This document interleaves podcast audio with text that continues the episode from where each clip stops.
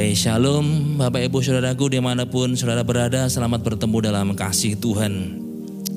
Bapak Ibu Saudaraku yang terkasih Sudah beberapa bulan dunia menghadapi wabah Coronavirus disease 19 Dan banyak negara mengalami yang namanya kerugian. Bukan hanya banyak korban nyawa, jiwa tapi saudaraku yang dikasih Tuhan COVID-19 juga berimbas pada kehidupan yang lain. Di hampir setiap kegiatan harus dikerjakan secara online dari rumah.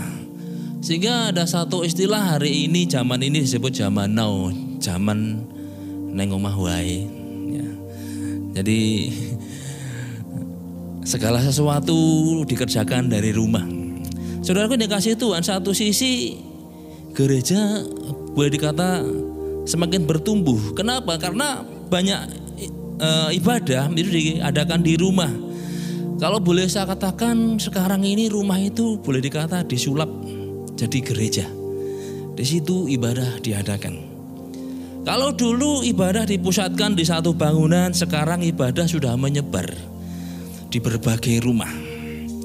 Saudara ini menjadi satu keuntungan sendiri bagi gereja dan berbicara tentang yang namanya gereja itu bukan satu bangunan. Gereja itu adalah kita. Orang percaya, orang yang dipanggil dari gelap kepada terang. Eklesia dari kata X dan Kalium. Orang-orang yang dipanggil dari ke, gelap kepada terang yang ajaib itulah gereja. Kita ini gereja. Saudara ketika saudara sedang mengikuti ibadah ini di rumah saudara, itulah gereja. Saudara dikasih Tuhan hampir di setiap daerah, di setiap tempat ada ibadah melalui teknologi informatika yang dikerjakan. Sehingga kebenaran di mana dua atau tiga orang berkumpul dalam nama Tuhan, Tuhan hadir di situ, itu efektif. Kenapa? Karena lawatan Tuhan itu menjadi semakin nyata. Hadirat Allah nyata di setiap daerah di setiap rumah. Bukan hanya sebatas Tuhan mahadir tapi kehadiran Tuhan secara pribadi. Sebab setiap rumah di situ diadakan ibadah dan di situ ada lawatan Tuhan secara pribadi. Ini menjadi satu keuntungan tersendiri bagi kita umat Tuhan. Sebab ini memungkinkan bahwa setiap daerah, setiap rumah akan mengalami lawatan Tuhan. Karena di setiap keluarga di situ menghadirkan Tuhan secara pribadi. Nah, saudaraku yang dikasih Tuhan, ini menjadi satu kalau boleh saya katakan satu jembatan di mana setiap orang dapat mengalami yang namanya pertolongan sebagai anak Tuhan. Tapi di sisi lain saudara yang namanya work from home itu harus diakui banyak orang belum siap. Sehingga mereka mengalami yang namanya dampak buruk dari COVID-19 ini. Tapi bagi kita, anak Tuhan, kita bersyukur. Kenapa? Ada jaminan Ebenezer bagi kita orang percaya. Sampai saat ini dan seterusnya Tuhan pasti menolong kita. Sampai kapan pun Tuhan pasti menolong saudara. Amin.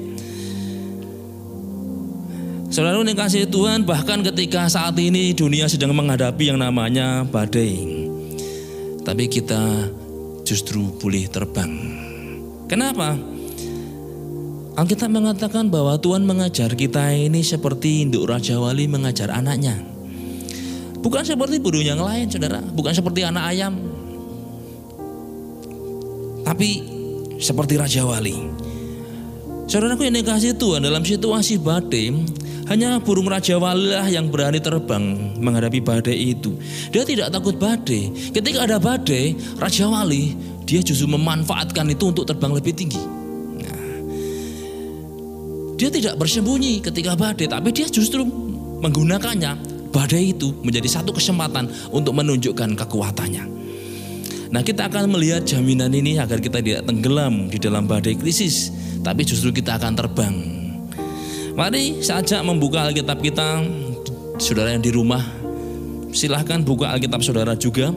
Di dalam kitab Ibrani pasal 4 ayat 16. Saya akan bacakan Kitab Ibrani pasal 4 ayat 16 kita akan temukan satu jaminan pertolongan Tuhan bagi kita orang percaya. Sekalipun di layar televisi saudara, di layar handphone saudara ada ayat, tapi saya ajak juga mari kita membuka Alkitab kita. Saya akan bacakan di dalam firman Tuhan dalam dua versi. Yang pertama saya akan bacakan versi terjemahan baru Ibrani 4 ayat 16 Firman Tuhan mengatakan demikian Sebab itu marilah kita dengan penuh keberanian menghampiri tahta kasih karunia Supaya kita menerima rahmat dan menemukan kasih karunia Untuk mendapat pertolongan kita pada waktunya Nah saya akan bacakan dalam versi yang kedua Yaitu terjemahan sederhana Indonesia Sedikit berbeda dengan terjemahan baru tapi punya makna yang lebih mudah kita cerna. Saya bacakan demikian. Oleh karena itu, kita bisa langsung menghadap tahta Allah dalam doa. Dan biarlah kita datang tanpa rasa takut. Karena imam agung kita sudah berada di samping tahtanya itu. Di mana kita akan diterima dengan kebaikan hati Allah dengan begitu, kapan pun kita perlu pertolongan, Allah akan mengasihani dan menunjukkan kebaikan hatinya kepada kita. Terjemahan sederhana Indonesia. Saudara yang dikasih Tuhan, penulis surat Ibrani memulai ayat ini dengan kata sebab itu, oleh karena itu. Ada satu alasan yang disampaikan penulis kitab Ibrani. Jika kita dapat langsung menghadap tahta kasih karunia dalam doa, ada satu alasan yang kuat yang disampaikan oleh Alkitab.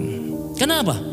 Karena kita punya Tuhan Yesus yang sudah ada di surga sebagai imam besar agung, imam besar maha agung.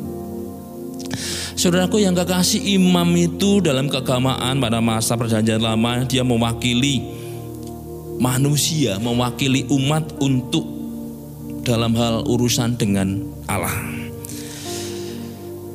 Dalam keagamaan Israel, imam besar itu adalah keturunan Harun.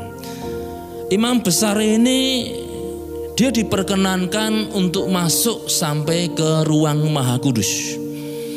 Kalau kita melihat tabernakel, dalam bahkan tabernakel itu ada halaman, ada ruang kudus dan ada ruang maha kudus.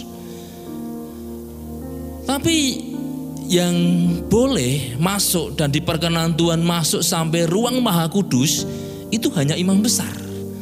Yang lain tidak boleh, saudara. Jadi kalau boleh saya katakan imam besar ini mewakili seluruh umat Tuhan untuk datang kepada Tuhan. Karena dia boleh masuk ke ruang Maha Kudus. Di ruang Maha Kudus itu ada tabut perjanjian yang merupakan satu simbol kehadiran Tuhan atas umatnya. Jadi imam besar dia akan mewakili seluruh umat Allah untuk menghadap Tuhan di ruang Maha Kudus. Imam yang lain, imam keturunan Lewi tidak boleh.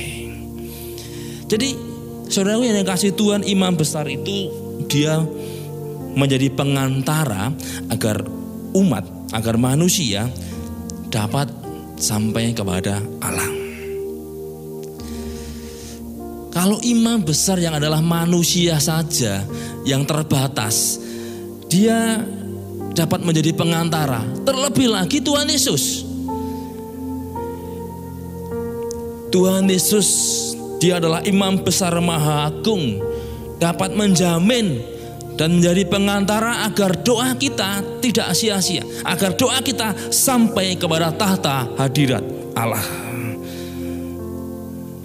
Tuhan sendiri yang menjamin. Kenapa? Dikatakan di sini Tuhan Yesus sudah melintasi segala langit.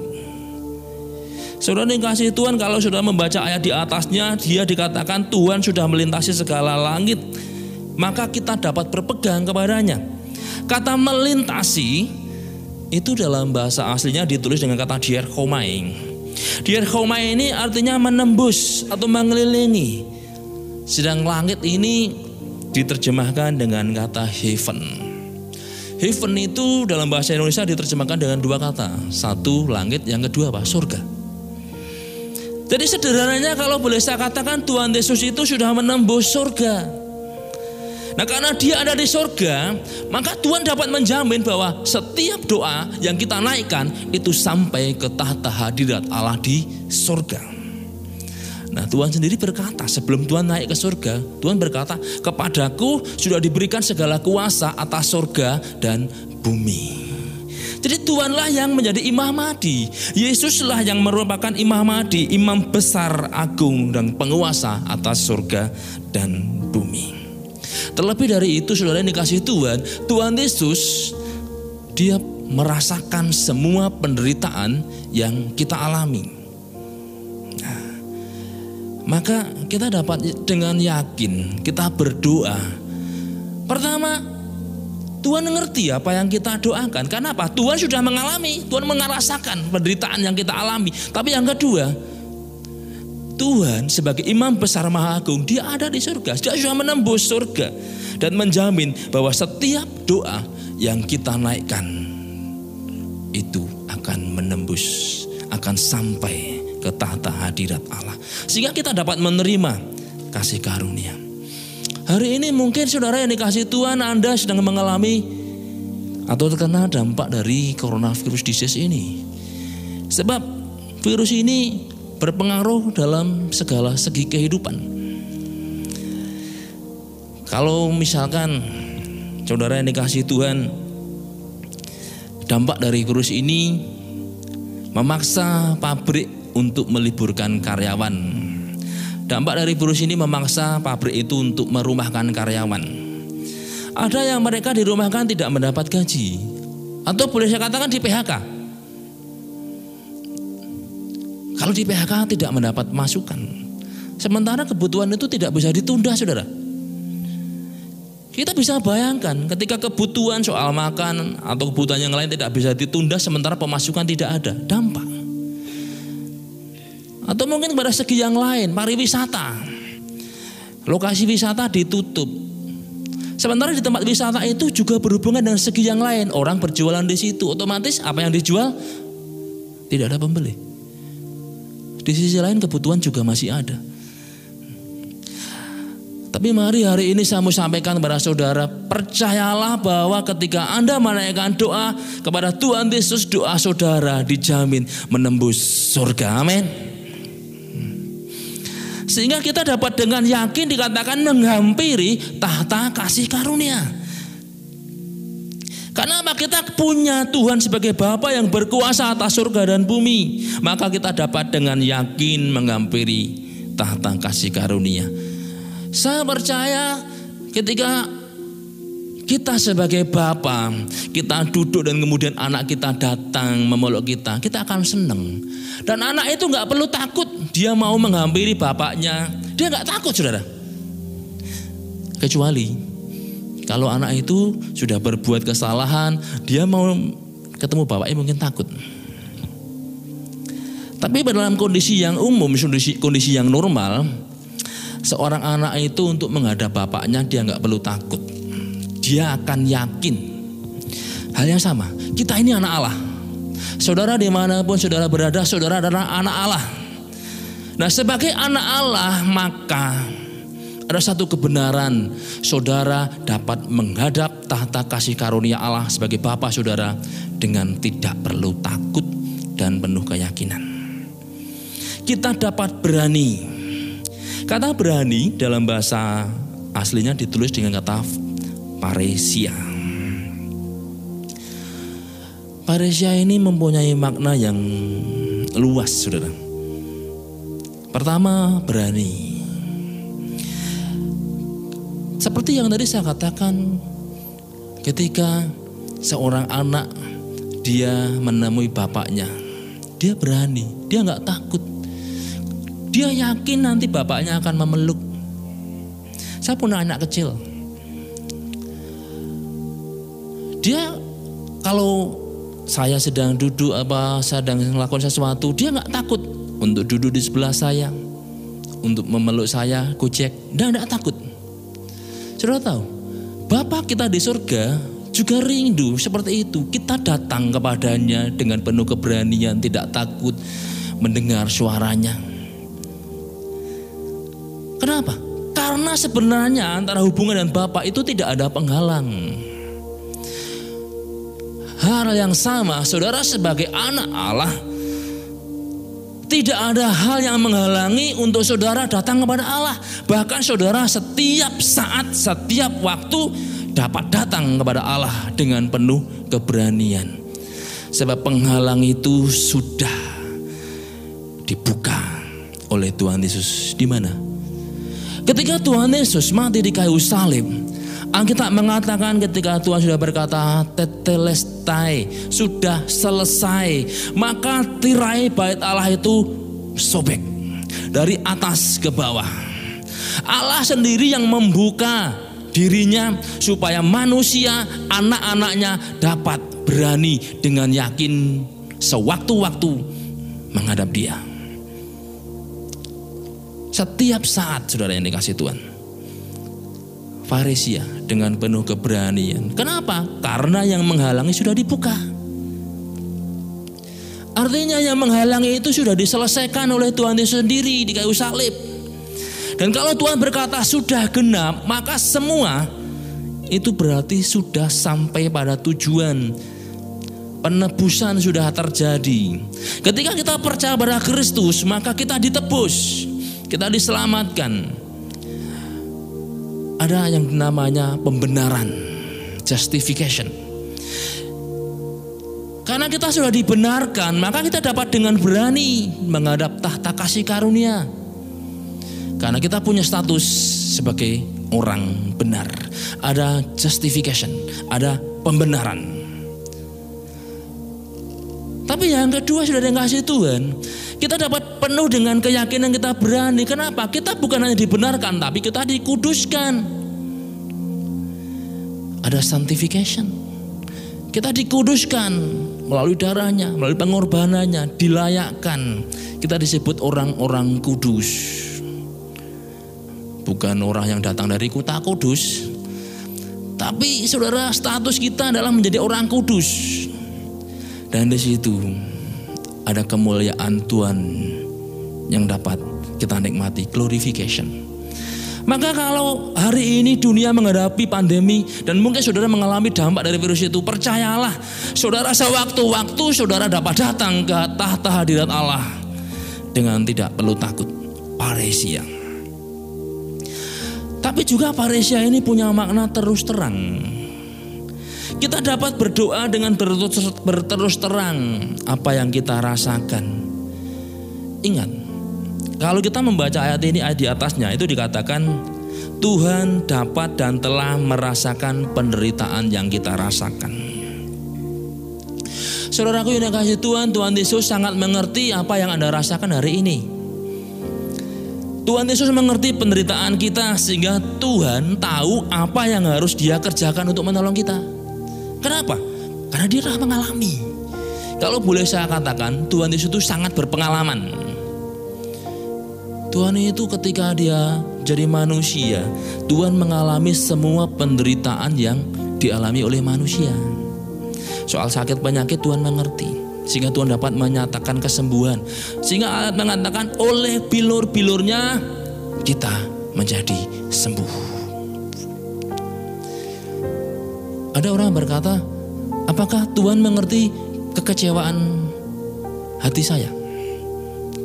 Saudara yang dikasih Tuhan, Tuhan Yesus pernah dikecewakan ketika jadi manusia.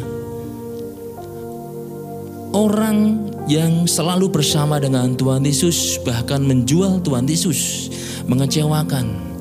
Simon Petrus pun ketika ada seorang wanita yang bertanya, bukankah engkau adalah bagian dari orang itu? Dia berkata, aku nggak mengenal dia. Saudara, itu mengecewakan. Sehingga Tuhan Yesus mengerti kekecewaan karena dia pernah dikecewakan. Dan banyak hal. Saudara yang kasih Tuhan, Tuhan mengerti, sangat mengerti penderitaan yang kita alami. Jadi kalau hari ini saudara mengalami apa pun, mari kita berterus terang. Paresia, terus terang. Apa pun yang kita alami, mari kita katakan kepada Tuhan. Dan Tuhan mengerti. Dan Tuhan sanggup untuk menolong kita. Tuhan mengerti apa yang harus dia kerjakan untuk menolong saudara. Maka mari, di mana pun Anda berada, sampaikan apa yang kita rasakan kepada Tuhan. Arti yang selanjutnya paresia itu juga punya makna penuh percaya. Kita dapat berdoa dengan penuh percaya. Kita dapat berani, berarti kita dapat penuh percaya. Karena apa yang kita rasakan Tuhan mengerti, tapi juga kita tahu Tuhan sanggup menolong kita. Pemasmur mengatakan dengan jelas bahwa Tuhan itu keselamatan kita, penolong kita sebagai penolong dalam kesesakan dikatakan sangat terbukti. Validitasnya itu 100%. Kalau orang mengadakan penelitian dan dibuat scoring dengan tabulasi data ya, dengan ilmu statistik saudara, ya, seperti orang mau buat skripsi itu kalau dia kualitatif eh, kuantitatif ya, dibuatlah tabulasi data dan kemudian dipresentase. Kalau nilainya itu di bawah 50% berarti tidak dapat diterima hipotesanya. Validitasnya tidak tercapai. Tapi kalau misalkan 80% maka itu teorinya, hipotesisnya itu dapat dipercaya, dapat ada nilai kebenarannya. Nah, Tuhan kita ini bukan hanya 80%, 90% Saudara. Tapi 100% artinya apa? Sangat dapat dipercaya dan merupakan satu kebenaran. Jadi Tuhan sebagai penolong itu sangat dapat dipercaya. Sehingga kita dapat berani, kita dapat dengan penuh percaya bahwa Tuhan pasti dapat menolong kita. Ketika kita berdoa, kita dapat berdoa dengan penuh percaya. Kita nggak perlu takut.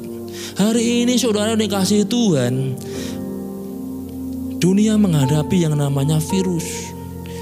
Saudara yang ditakutkan bukan hanya kena virusnya, virusnya nggak kelihatan. Coba kalau saudara bayangkan virusnya ketok, kita bisa menghindar. Virusnya nggak kelihatan.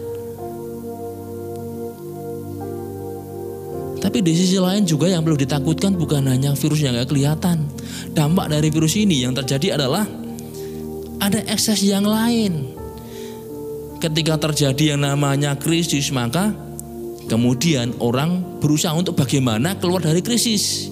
Nah orang yang tidak takut akan Tuhan mereka akan mengambil cara dan caranya bisa merugikan orang lain, mencuri, kasus kejahatan meningkat. Saudara yang kasih Tuhan, ketika saya me membaca ada satu artikel bahwa ternyata angka kejahatan setelah wabah ini meningkat. Tapi juga satu hal yang menjadi keprihatinan kita ketika saya membaca, uh, saya melihat satu berita di salah satu stasiun televisi di CNN itu yang terjadi apa? KDRT itu meningkat saudara. Kekerasan dalam rumah tangga itu meningkat. Dampak dari virus ini oleh salah satu psikolog dan memang ada datanya dan juga laporan dari Komisi Pelindungan Anak KPAI itu terjadi yang namanya peningkatan tindak kekerasan rumah tangga. Nah, sehingga ada salah satu tokoh mengatakan, wah mungkin karena apa stres. Semua dari rumah, keadaan memaksa untuk dia berusaha, kebutuhannya juga tidak bisa ditunda. Akhirnya apa? Terjadilah yang namanya emosional. Kekerasan dalam rumah tangga anak jadi sasaran. Ketika terjadi kekerasan kepada anak, lapor ke KPAI dan KPAI membuat satu berita kekerasan terhadap anak itu meningkat. Jadi ya yang terjadi hari ini peristiwanya kompleks. Tapi mari kita pegang firman Tuhan. Kita punya Tuhan yang ada di surga sebagai imam besar maha agung. Yang ketika kita berdoa kita dapat dengan penuh percaya bahwa doa kita tidak sia-sia. Amin saudara. Kalau misalkan saudara naik bus dan saudara tahu, wah ini supirnya berpengalaman, terus teknisinya ini juga berpengalaman, Mungkin kita berkata, wah tenang, bisnya juga masih baru. Sudah sopirnya berpengalaman, bisnya masih baru, di situ ada teknisi yang berpengalaman. Kita mungkin, wah enak, tenang. Tapi coba kalau saudara misalkan gitu. Saudara naik bis, sopirnya baru permulaan nyopir. Terus kemudian bisnya ini juga sudah model tua dan beberapa bagian itu sudah nggak fungsi. Mungkin ketika harus naik ke jalan yang berliku-liku kita berkata seluman, selumun, selamat ya enggak. Kalau boleh dikatakan nyawane gadek ke separuh mungkin.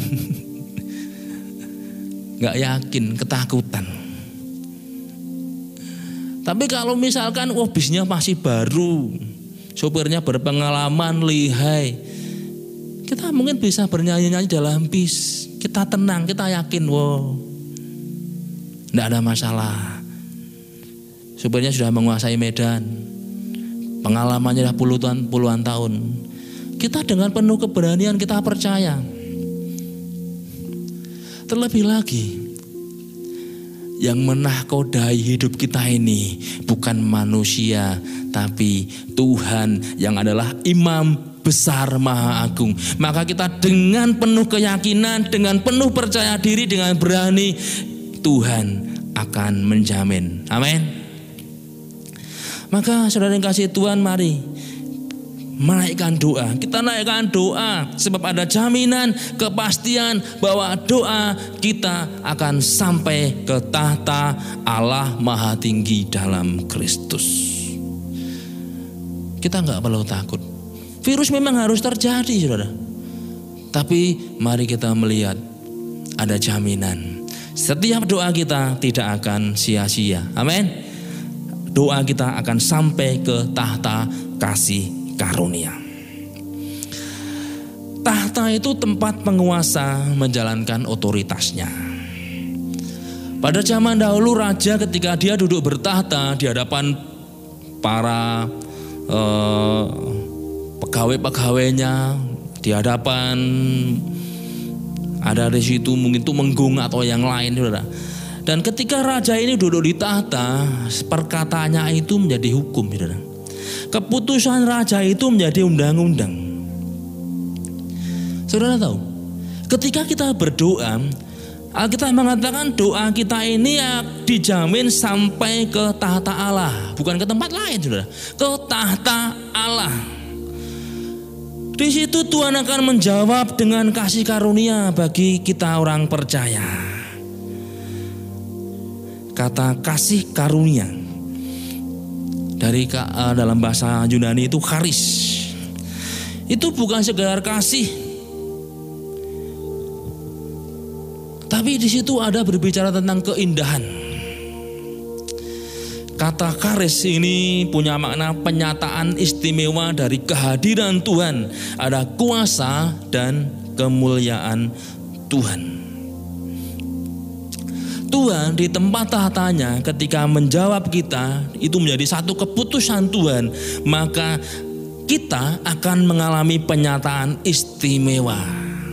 Amin. Kita ini istimewa di hadapan Tuhan. Amin saudara. Di mana pun anda berada katakan saya istimewa di hadapan Tuhan. Kenapa? Karena memang Tuhan mengistimewakan kita. Loh coba bayangkan Saudara dihargai Tuhan itu bukan dengan barang yang biasa, tapi dengan nilai yang ada di surga. Apa? Darah Kristus. Anda itu dihargai dengan sesuatu yang istimewa. Darah Kristus di surga, saudara. Istimewa kan? Nah kalau kita ini istimewa di hadapan Tuhan, Kenapa? Mesti kita mesti takut. Kalau kita istimewa di hadapan Tuhan, maka kita pun akan mengalami yang namanya perlakuan istimewa dari Tuhan. Sehingga karena kita istimewa di hadapan Tuhan ketika kita berdoa, maka kita dapat dengan penuh keyakinan kita akan mengalami penyataan istimewa dari kehadiran Tuhan dalam hidup kita, yaitu ada kuasa dan kemuliaan Tuhan. Orang yang mendapat kasih karunia akan mengalami hal istimewa dari Tuhan. Kemuliaan Tuhan, kuasanya Tuhan akan dinyatakan dalam hidup orang itu. Itu kebenaran saudara. Hari-hari ini seluruh dunia mengalami yang namanya dampak dari virus corona. Tapi Anda, kita sebagai anak Tuhan, kita dapat dengan yakin menghadap tahta kasih karunia Allah. Sebagai anak Tuhan kita akan mengalami dan menerima hal istimewa dari Tuhan. Sebagai contoh gambarannya, misalkan kita pulang dari kerja. Kita bawa permen, tapi juga kita bawa baju. Nah, sesampainya di rumah, di situ ada anak-anak, anak tetangga kita, tapi juga ada anak kita mereka sedang bermain-main. Kemudian ketika kita pulang anak kita berkata, "Eh, papa pulang, papa pulang." Nah, kemudian kita bawa permen. Saya percaya kita akan bagikan permen juga kepada anak tetangga kita. Nih, nih, makan permen. Ya, anak-anak suka permen. Anak kita juga ambil permen. Anak tetangga kita juga ambil permen. Tapi ketika kita keluarkan baju untuk anak yang menerima baju hanya anak kita, betul enggak? Kenapa? Karena dia istimewa bagi kita. Kalau misalkan kemudian di situ ternyata anak kita misalkan sedang sakit, anak tetangga kita juga sedang sakit. Yang akan bawa kita bawa ke dokter hanya anak kita. Kenapa? Karena dia istimewa. Sama, dunia ini penuh dengan orang-orang. Tapi kita ini anak Tuhan. Kita istimewa. Maka kita akan menerima perlakuan yang istimewa. Anda istimewa di hadapan Tuhan. Kalau hari ini dunia sedang mengalami dampak dari virus corona, pandanglah identitas Anda. Anda itu istimewa dan Anda akan mengalami perlakuan yang istimewa dari Tuhan. Maka jangan takut saudara. Ada pertolongan Tuhan bagi saudara. Di tengah keadaan krisis seperti ini. Fokuslah pada Tuhan bukan pada wabahnya, bukan pada kesulitannya. Memang Tuhan izinkan ini mengalami yang namanya wabah, ada kesulitan. Tapi Anda itu istimewa. Pandanglah Tuhan supaya Anda mengalami hal yang istimewa dari Tuhan.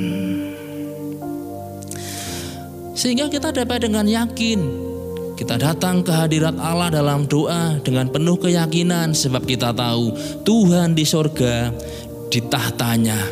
Dia Tuhan kita, Bapa kita sedang menjalankan otoritasnya, kedaulatannya. Dan setiap perkataan yang keluar dari mulutnya itu hukum. Keputusannya adalah hukum ilahi bagi kita. Saudara tahu, ketika terjadi satu, ada seseorang, anaknya sakit. Bahkan di satu uh, kitab dikatakan anaknya sudah mati. Dia datang kepada Tuhan Yesus, dia ngomong begini, Tuhan, anakku baru saja meninggal, tetapi datanglah dan letakkan tanganmu di atasnya, maka dia akan hidup. Loh. Orang ini begitu yakin kalau Tuhan datang, dia Tuhan letakkan tangannya di atasnya, anak itu hidup. Juga dikatakan, katakan sepatah kata saja, maka anakku pasti sembuh. Kenapa? Orang ini dengan yakin dapat berkata seperti itu karena dia percaya, dia tahu perkataan Tuhan itu hukum. Dan bukan sekedar hukum manusia, itu hukum ilahi, saudara. Dan ketika perkataan Tuhan itu dikeluarkan, maka tidak ada satupun yang dapat menghalangi. Amin. Kitab Nabi saya mengatakan dengan jelas bahwa firman Tuhan tidak kembali dengan sia-sia. Tuhan hari ini ada di surga Maksud saya, Tuhan itu duduk di tahtanya menjalankan otoritas kedaulatannya. Dan ketika kita berdoa, doa kita itu akan sampai menembus surga terdalam ke tahta kasih karunia. Dan ketika Tuhan berkata satu patah kata, itu jadi hukum, itu firman dan firman tidak akan kembali dengan sia-sia. Hari ini saudara mungkin karena dampak virus, percayalah ketika saudara, saudara berdoa, perkataan Tuhan itu jadi hukum. Hukum ilahi saudara. Dan saudara akan mengalami perlakuan istimewa dari Tuhan bagi hidup saudara. Amin. Nah, kebenaran yang ketiga, Ketika kita berdoa, kita dapat dengan yakin. Kenapa? Karena ada rahmat dan pertolongan Tuhan. Ada rahmat dan pertolongan. Saudara dikasih Tuhan kita tidak dapat menghindari adanya virus dan dampak dari virus ini. Kita harus alami. Jadi kalau kita sudah tahu ya tentunya mesti kita bersiap-siap. Tuhan sudah mengatakan ada seorang hamba Tuhan beberapa puluh tahun yang lalu mengatakan tahun 2020 akan terjadi virus Amerika akan terkena dampaknya akan terpukul dan kalau saudara membaca atau saudara melihat virus corona ini hari ini mungkin yang terbanyak korbannya itu di Amerika tapi hamba Tuhan juga mengatakan setelah itu akan ada kebangkitan kebangkitan yang ketiga nah saudara dikasih Tuhan kita pun di sini juga Tuhan sudah katakan akan ada badai dalam kehidupan. Nah, kalau Tuhan sudah katakan, ya tentunya kita harus bersiap. Ada satu pepatah, sedia payung sebelum hujan. Artinya kalau kita sudah tahu, maka tentunya kita harus bersiap-siap. Sebenarnya kalau saya perhatikan, salah satu yang disampaikan oleh Bapak Presiden kita dalam kampanye dulu itu salah satu programnya adalah teknologi informatika, teknologi dikatakan 4.0. Itu yang berbasis internet, Saudara. Jadi pemerintah itu sudah menyiapkan dan ketika hari ini dikatakan work from home, zaman now neng omah wae. Segala sesuatu dari rumah, ibadah dari rumah. Pemerintah sebenarnya sudah mempersiapkan. Dan ketika belajar dari rumah, pemerintah juga sudah mempersiapkan. Di samping melalui TVRI, tapi juga saudara provider-provider tertentu itu memberikan yang namanya kuota gratis untuk belajar dari rumah. Ya, ada sudah dipersiapkan. Nah, bagi kita orang percaya, ketika Tuhan sudah menyatakan, maka sebenarnya kita juga harus bersiap-siap.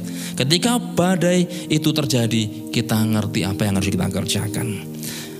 Karena apa memang tidak bisa ditolak dan harus terjadi dan berdampak pada segi-segi yang lain.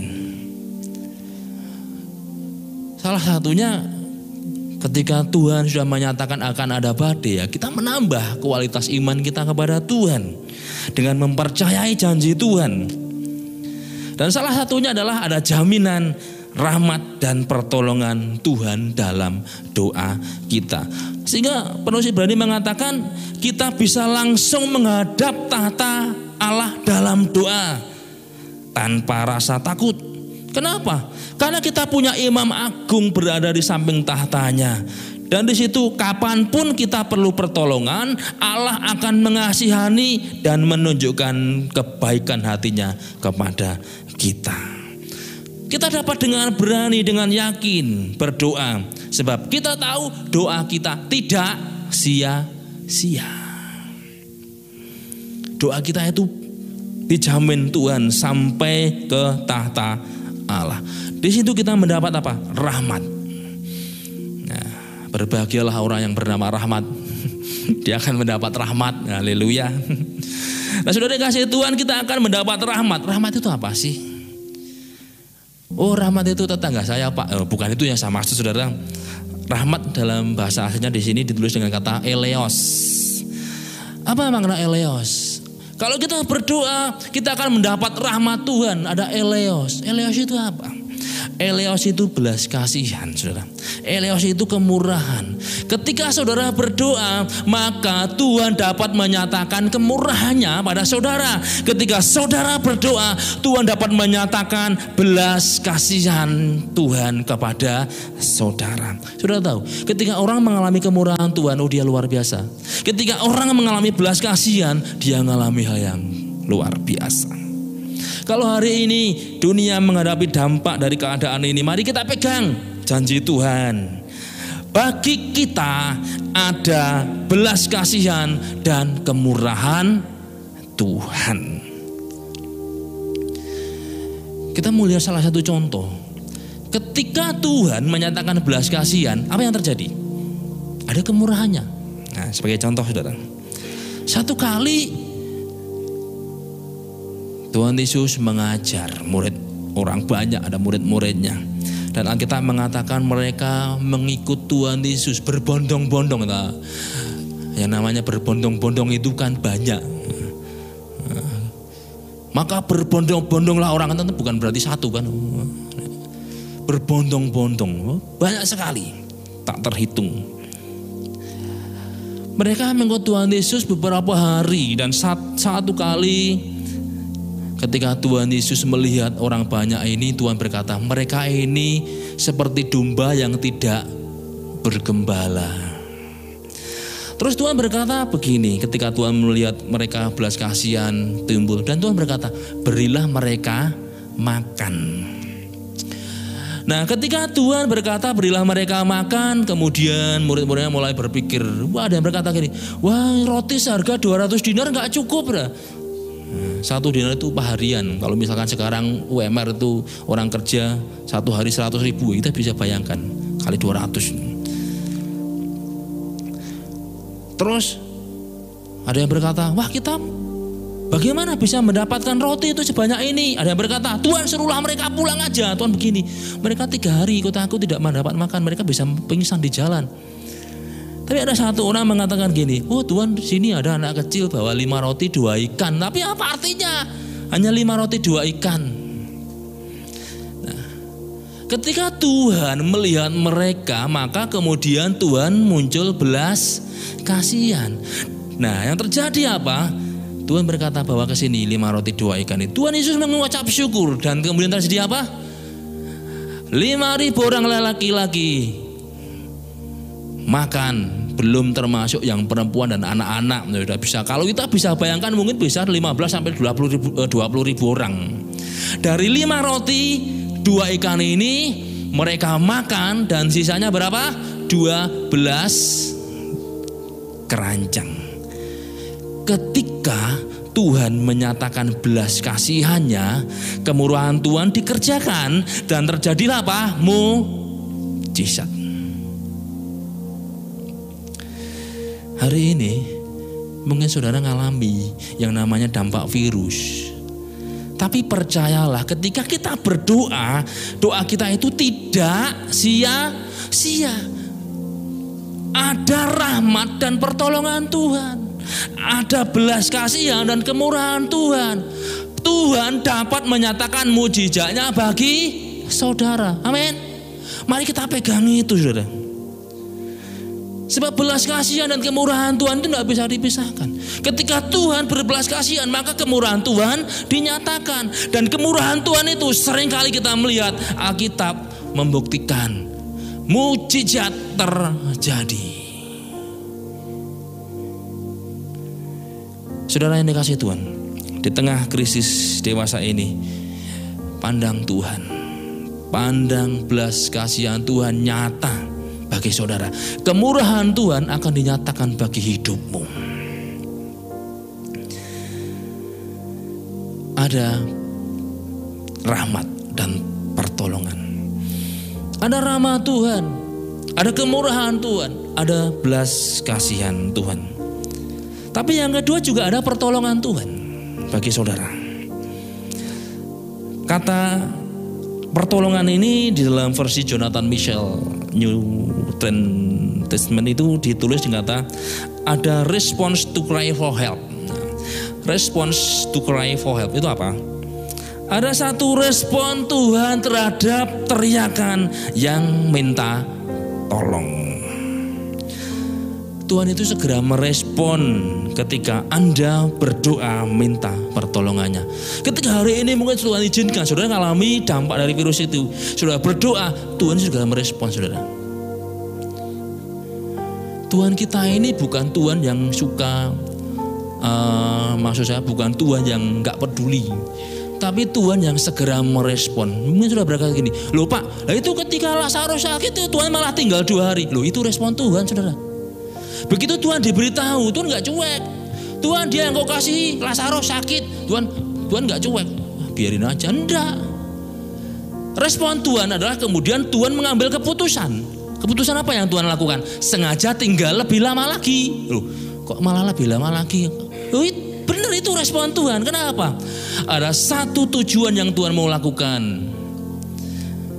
Dan setiap tujuan itu kan mesti dikerjakan ada tahap-tahap, betul enggak? Kalau saudara punya tujuan, saudara punya perusahaan, saudara punya tujuan, saudara punya tahap.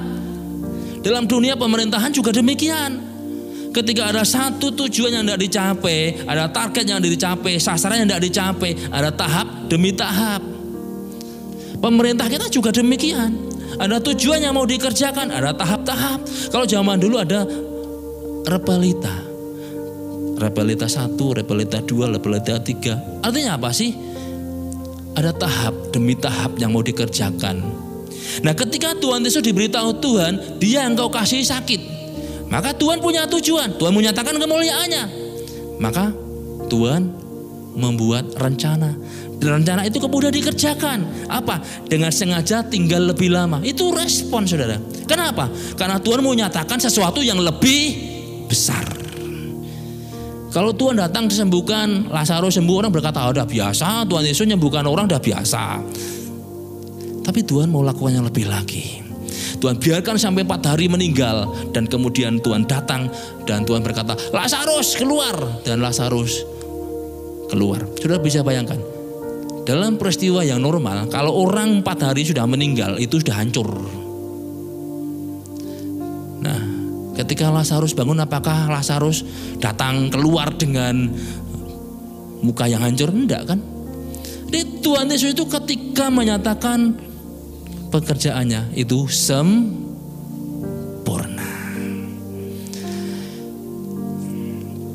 Merespon. Dan Alkitab memberi bukti banyak ketika Tuhan mendengar maka Tuhan merespon. Ada orang yang sakit kusta. Tuhan, kalau engkau mau engkau dapat mentahirkan aku. Tuhan respon, Tuhan menjamah orang itu dan orang itu menjadi tahir. Ada orang yang sakit buta. Tuhan merespon. Bartimius misalkan, ketika Tuhan Yesus lewat di situ dan kemudian Bartimus ini siapa yang lewat? Ini siapa lewat? Orang berkata, Yesus anak Daud. Ya, Yesus yang lewat di sini, Yesus orang Nasaret. Dan kemudian dia berkata, Yesus anak Daud, kasihanilah aku. Apakah Tuhan dia miskin yang orang buta aja? Enggak. Tuhan merespon. Tuhan berkata bawa ke sini orang itu. Dan Tuhan tanya, apa yang kamu kendaki aku melakukan bagi kamu? Si Bartimius bilang, Tuhan, supaya aku dapat melihat. Dan Lazarus melihat sorry Lazarus, Bartimius melihat.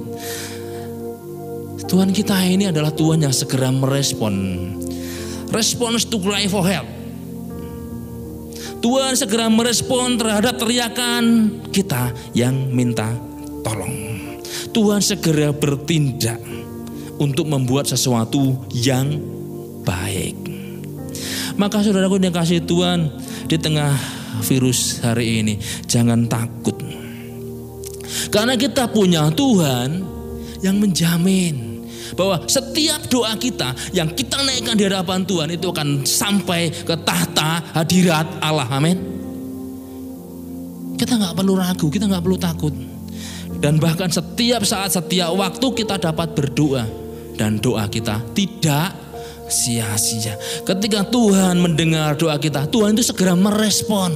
Dan apa yang Tuhan katakan itu hukum ilahi. Itu perkataan itu firman. Dan Alkitab mengatakan bahwa firman yang keluar dari Tuhan tidak akan kembali dengan sia-sia. Tapi dia akan melakukan apa yang kusuruhkan kepadanya.